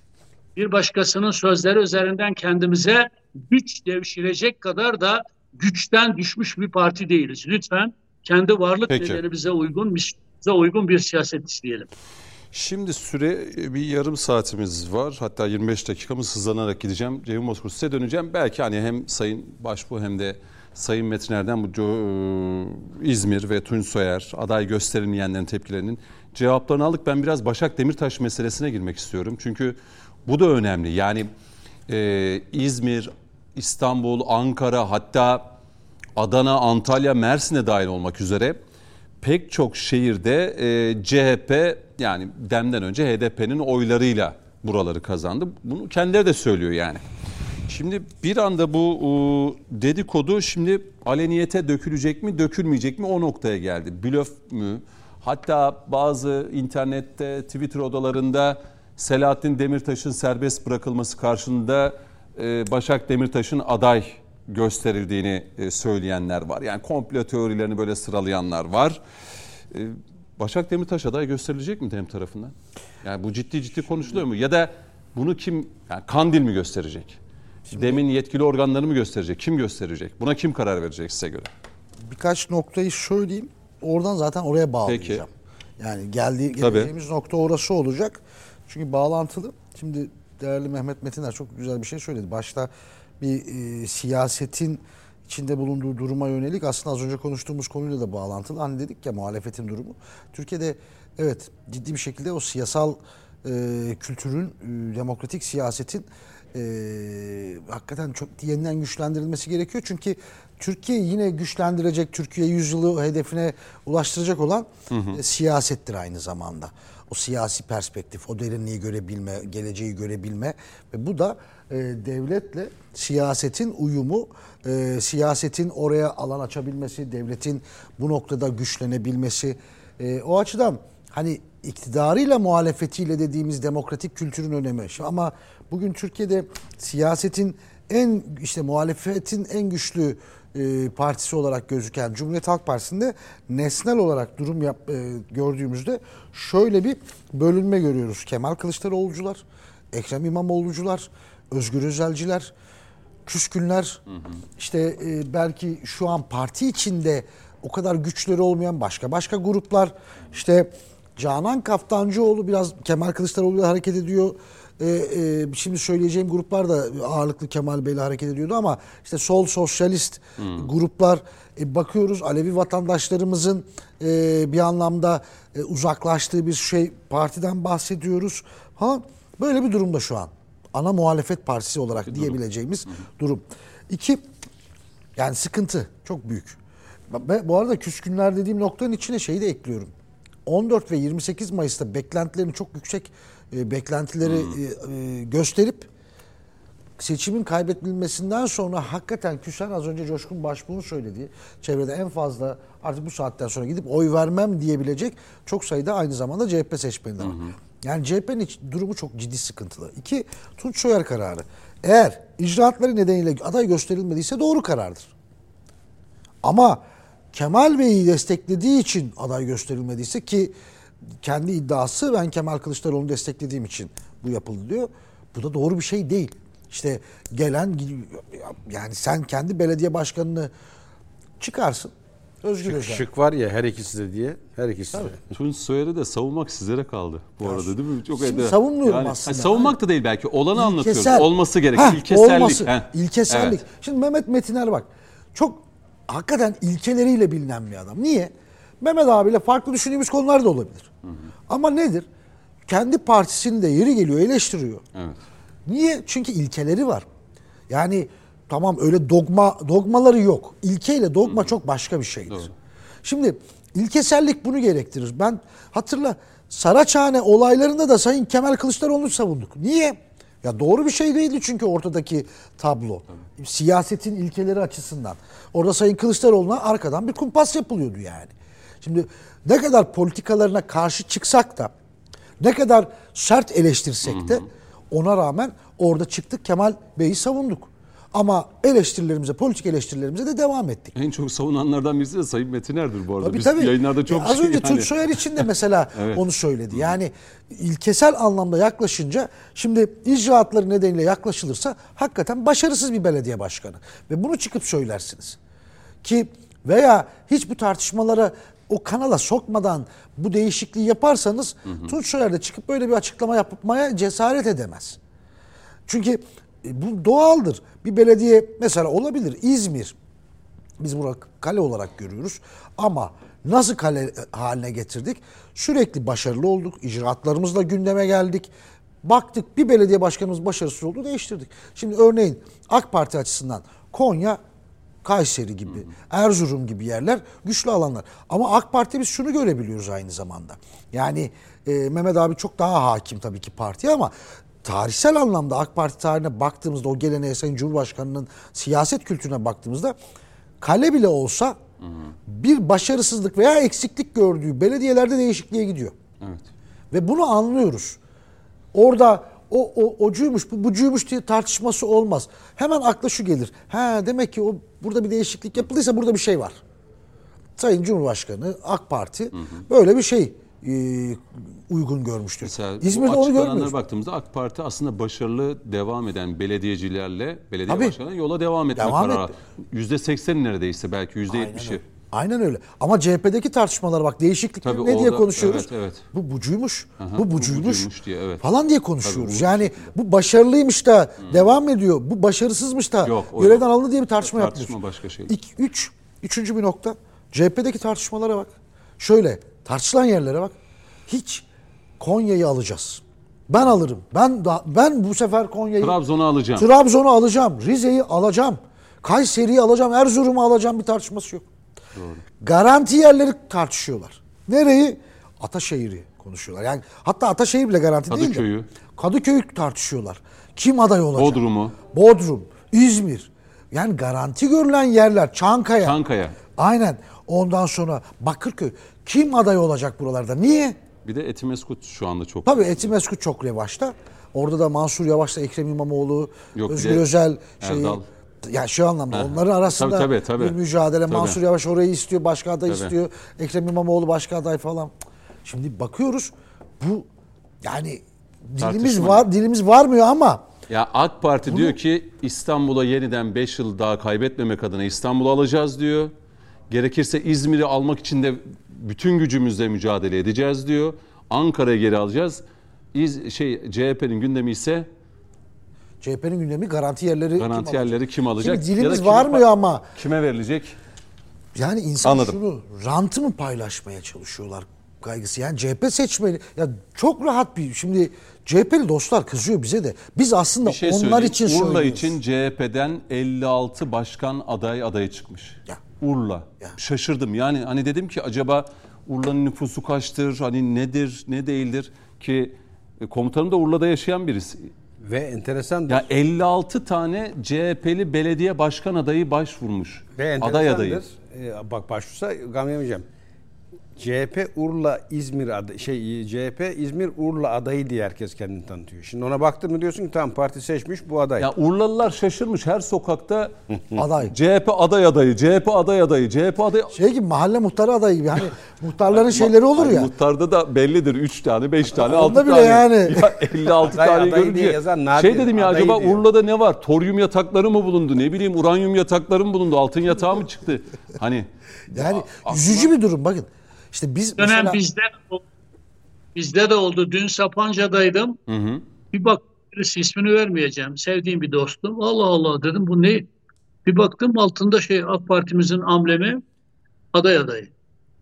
Kendi fotoğraflarını boy fotoğraf. Bizim geleneğimizde yok bu tür şeyler. Yani müracaat edersiniz. Akıbetinizi Yok ama müracaat edilmiş Urla'da 56 tane.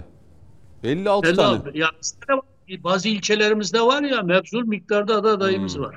Evet. Maksat ne yapsın? Maksat isim yapsın. Evet. Tabii. Maksat benim de ben de aday aday oldum. Ne olacak? 3 kuruş 5 kuruş yatırıyorsunuz. bir CV'ye yazmak olarak. değil mi? CV'ye yazmak. Başak Demirtaş'a bir gelelim. Heh, Bayağı şey oldu, süre daralıyor. öyle bir partide böyle durum olunca ne oluyor? Şimdi bir kere ittifak dinamikleri bitti. Ha. Çünkü ilkesellik orada hep neyi tartıştık 14 Mayıs öncesinde? Ya muhalefetin ilkeleri yok. Yok doğru. Yani sadece Her Recep türlü- Tayyip Erdoğan'ı yenelim de nasıl yenersek yenelim mantığıyla oturursanız masada politikalarınız olmazsa birileri sizin önünüze politika koyar. Washington'dan, Brüksel'den politikalar kondu önlerine. Muhalefette sadece deyim yerindeyse tırnak içi Erdoğan'ı yenmek üzerine konsolide oldu. E ne oldu? İlke olmayınca dağıldı. E bu tartışmalar da başladı. Şimdi seçimi nasıl kurtarırız? Haydi İyi Parti gitti. E diğerleri Deva Gelecek, Onlar Saadet de gitti, gitti. E bir kim kaldı? HDP Dem.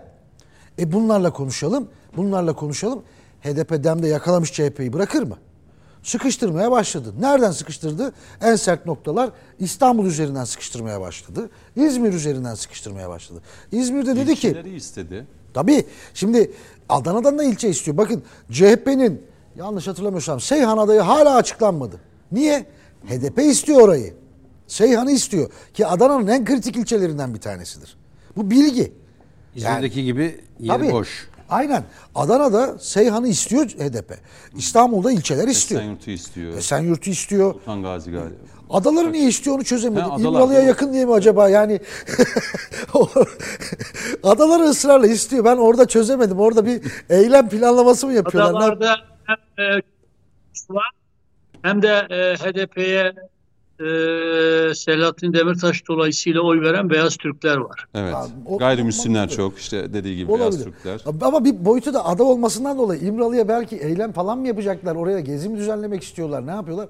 Ben onu çözemedim.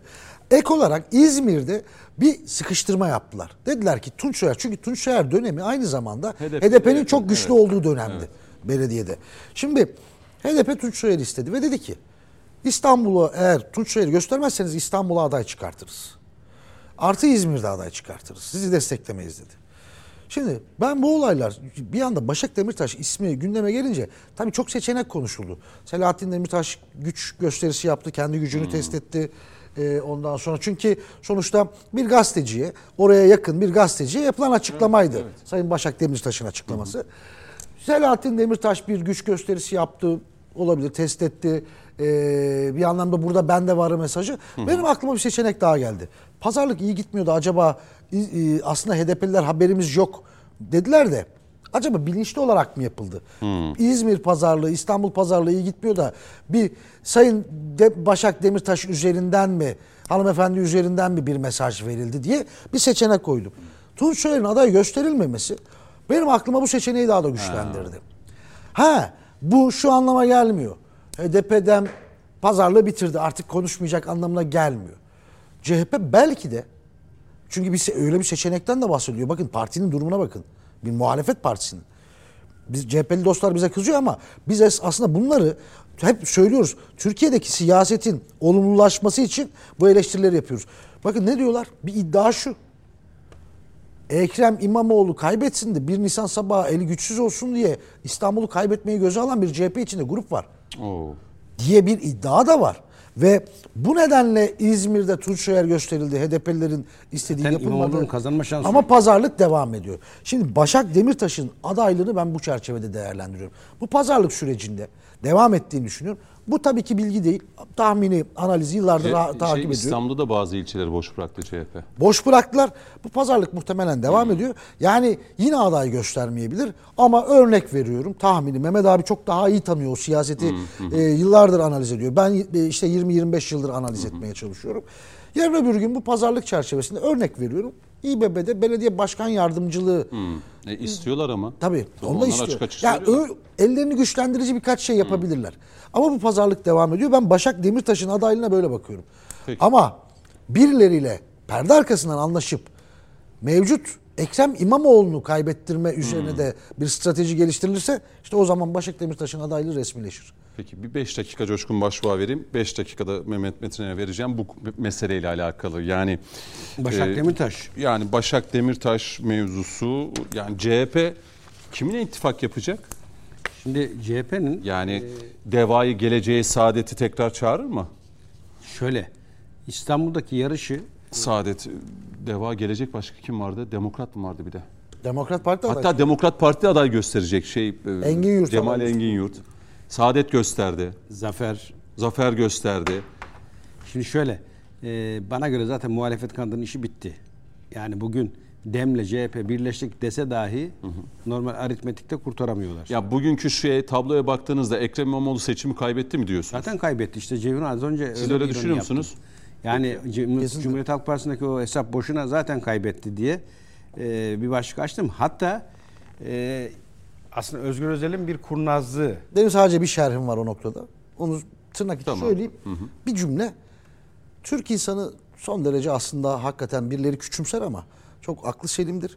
Ee, çok da e, tepkisini çok naif verir. Ekonomik gelişmeler biraz Cumhur İttifakı'nın rakibi. anladım. Ben öyle Peki. düşünüyorum. Muhalefet değil.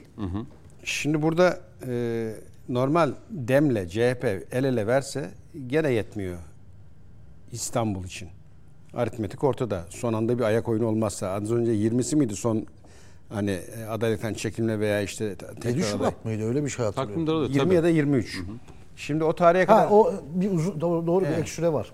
e, o tarihe kadar herhangi bir ayak oyunu olmazsa bu tablo böyle devam ederse zaten e, bana göre e, İstanbul'un sonucu belli.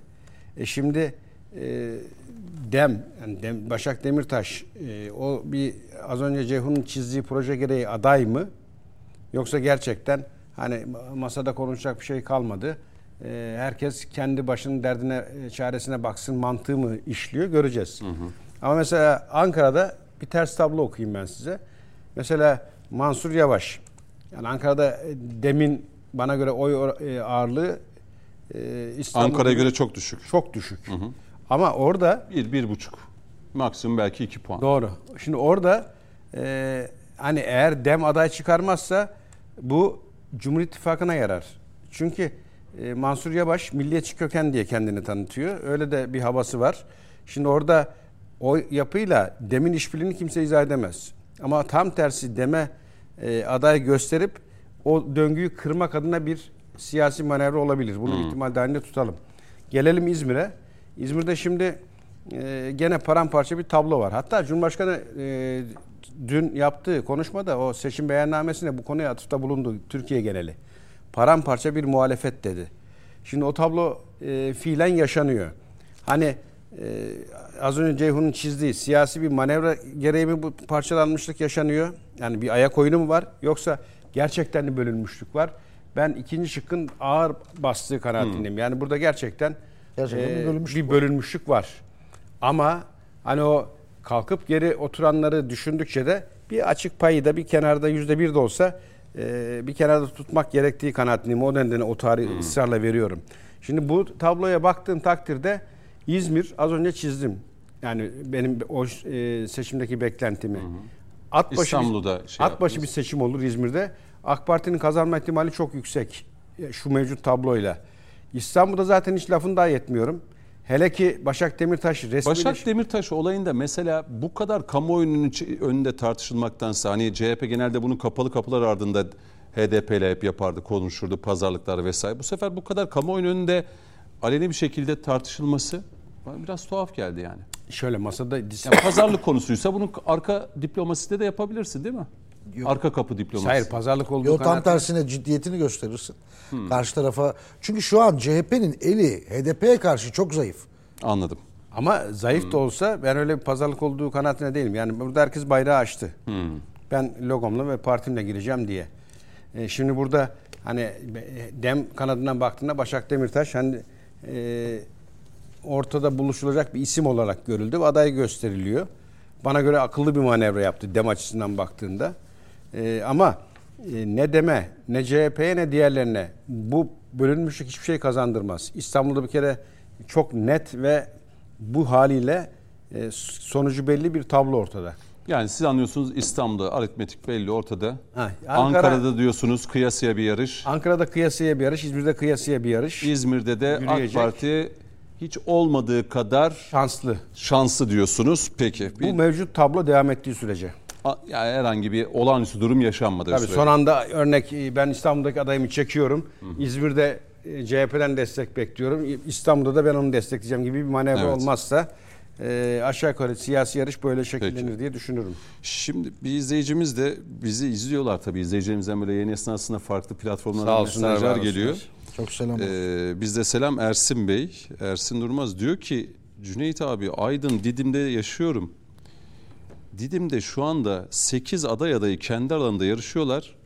Yani CHP'den bahsediyor. Kendi posterlerini, afişlerini, her şeylerini yırtıyorlar. Yani birbirlerine şey yapıyorlar. Cüneyt ben sana bir şey Kampanya yapıyorlar ben diye sana bir cümle, mesaj atmış. tek bir cümle bir şey söyleyeyim. Siyasete disiplin çok önemli.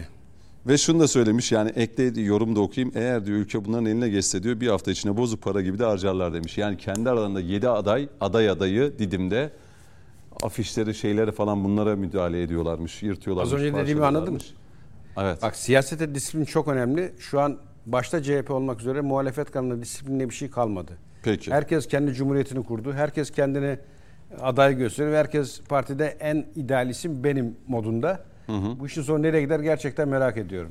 Benim Mehmet- bilgilerim var ama Mehmet abi bunu da Tamam, değerlendirsin. Mehmet- Mehmet Bey'e de biz sözü- CHP'yi siyaseti kurtarmak açısından CHP'yi bir kapatıp açmak lazım diye. E şey e, kapatıp açmak değil de şimdi aklıma Reset. şey geldi. Bu e, Eren Erdem'le Murat Ongun arasında geçen o konuşmalarda Murat Ongun yani yani İddia sinkaflı edilen ifade. iddia edilen ifadelere baktığımızda senin dediğine yakın bir şey söylüyor ama farklı bir tonda söylüyor. Onu da hatırlatmış O kabul edilebilecek Yani CHP bir kapansa bir tekrar gelse fabrika ayarlarına mı dönse diye. Yani bu kadroda kurtul. Ben açıkça söyleyeyim CHP'nin fabrika ayarları da yani çok da bu memlekete bir hayır getirmez diye düşünüyorum. Ya şöyle neyse o ayrı bir tartışma. Evet ayrı bir da. tartışma yani hani e, Mehmet Metin'e belki sözü vereyim e, ve belki bu Mehmet abinin Demirtaş şey yapmayalım onu diyecek? konuşuruz. Tamam bunu biz e, program bitiminde konuşuruz. Ee, dün Sakarya'nın Taraklı ilçesindeydim. Çok küçük, çok şirin bir Osmanlı beldesi. Görmeyenlerin görmesi gerektiğini salık veririm. Ee, bugün de gün içinde e, Mudurnu'ya gittim. O da çok güzel. Ee, Osmanlı şehri. Hala e, her cuma ahilik duasını okuduğu, bacıyan ruhunun da ayakta olduğu, e, barışın, uzlaşının, hoşgörünün hakim olduğu bir beldemiz. Buradan Az buçuk başkanımız- mevkinizde öğrenmeye başladık nerede Marmara olduğunuzu. bölgesinde geziyormuş. Az buçuk evet. seyir halindeyim, seferiyim. Şimdi burada Cumhuriyet Halk Partisi'nden alınan bir mudurnu var. Milliyetçi Hareket Partisi'nden çok değerli bir kardeşimiz halihazırda belediye başkanı ama aynı zamanda AK Parti'de aday çıkartmaya çalışıyor. Hmm. Taraklı ilçemizde gerçekten değerli, genç, çalışkan, inançlı bir belediye başkanı var Milliyetçi Hareket Partisi'nden ama AK Parti'de aday çıkartmaya çalışıyor. Buradan yani genel merkezlerime sesleniyorum. Bunu yapmasınlar. Eğer Mudurnu'da iki parti birbirine yarışırken tekrar eski dönemde olduğu gibi CHP'li aday kazanırsa bunun vebali ağır olur. Hmm. Belki Taraklı'da böyle bir şey olmaz. Buranın sosyolojisi biraz daha farklı ama Mudurnu Sırat Köprüsü'nden geçebilir ve orada zaten CHP'den alınan bir belediye bunun vebali çok ağır olur. Bu konuları yeniden oturup düşünmeleri lazım. Bir diğer husus dikkat çekmek istediğim ki önemli. Ee, 2019'da İstanbul'da bize seçimi bizimkiler kaybettirdi. 2024'te Cumhuriyet Halk Partisi'ne de CHP'liler kaybettirecek. Niçin? Açıklayayım bakınız. Çok fazla e, şey yapmaya gerek yok ama 2-3 dakikam var. Hı hı. çünkü CHP'de iktidar hesabı olanlar CHP'de iktidar hesabı olanlar için İmamoğlu'nun kaybetmesi olmazsa olmaz bir öneme sahip. Eğer biliyorlar ki İmamoğlu kazanırsa artık İmamoğlu'nun e, vesayetindeki bir CHP'de hiçbir siyasi gelecekleri olmayacak. Onun için İstanbul'da eğer İmamoğlu kaybede, kaybedecekse ki bence kaybedecek Murat Kurum kardeşimin kazanacağına yürekten inanıyorum. E, bunu CHP'liler sağlayacaktır. O yüzden çok fazla CHP'lilerin iş problemlerine girmeye girmeden bu analizi yapmış olalım. Başak Demirtaş konusunda şunu söyleyeyim. İlk duyduğumda yaptığım yorum şuydu. Bu dem cenahından yapılan çok başarılı bir siyasi hamle. Hı hı. Masaya çok güçlü bir koz. CHP ya benim dediğimi yaparsın ya istediğim tavizleri verirsin ya da ben kendi adayımla çıkar. Dolayısıyla kaybetmeni sağlarım. Ben bu e, Başak Demirtaş e, faktörünün çok önemli olduğunu, artık ciddiye bindiğini düşünüyorum. Hı. Sen kendi benden bile Selahattin Demirtaş'a selam gönderiyorsan, hatta bir oy Selahattin Demirtaş'a, bir oy da CHP diyorsan, e, Başak Demirtaş'a e, sadece e, C, DEM Partisi'nin e, Kürtleri değil, ama aynı zamanda Beyaz Türkler de e, oy verebilirler. Ben Başak Demirtaş isminin e, DEM için çok güçlü bir olasılık olduğunu ve muhtemelen eğer Cumhuriyet Halk Partisi yönetimi DEM Parti'nin istediği tavizleri vermezse aday gösterileceğini ve gösterilmesi halinde de Başak Demirtaş hanımefendinin e, kendi partisinden, DEM Partisi'nden çok daha fazla oy alacağı kanaatindeyim. Peki. Bakacağız, göreceğiz. Daha süreç bayağı var. Yalnız şaka maka artık tam iki ay değil mi? İki ayın tabii tabii. İki ay, 50, 59 gün. Yani hani Şubat 28, Yalnız sandık 29. belirsizliklerle doludur. Hı hı. Yani kazanacağım dediğiniz yerde kaybedebilirsiniz. Kaybedeceğim dediğiniz yerde de kazanabilirsiniz. Rehavete gerek yok, şımarıklığa gerek yok. Böyle hiçbir parti ben ceketimi asarım, burası benim kaledir, İzmir, orası burası demesin. Mesela Bodrum'da e, inşallah seçim çalışmalarına da gideceğim. Mehmet Tosun kardeşimizin AK Parti'nin adayı olarak belirlendiğini duydum, duyuyorum. Göreceksiniz e, Bodrum Bodrum'da bir sürpriz. Peki. Ee, Mehmet Metin'e teşekkür edeceğim. Önümüzdeki hafta stüdyodasınız inşallah. Ee, Coşkun Başbuğ teşekkür İnşallah. ediyorum. Biz teşekkür ederiz. Emin Bozkurt teşekkür ederiz. Sağ olun. Bu akşam bizlere eşlik etmiş oldunuz. Ben teşekkür ederim. Önümüzdeki hafta tekrar birlikte olacağız efendim. Şimdilik hoşçakalın. İyi geceler.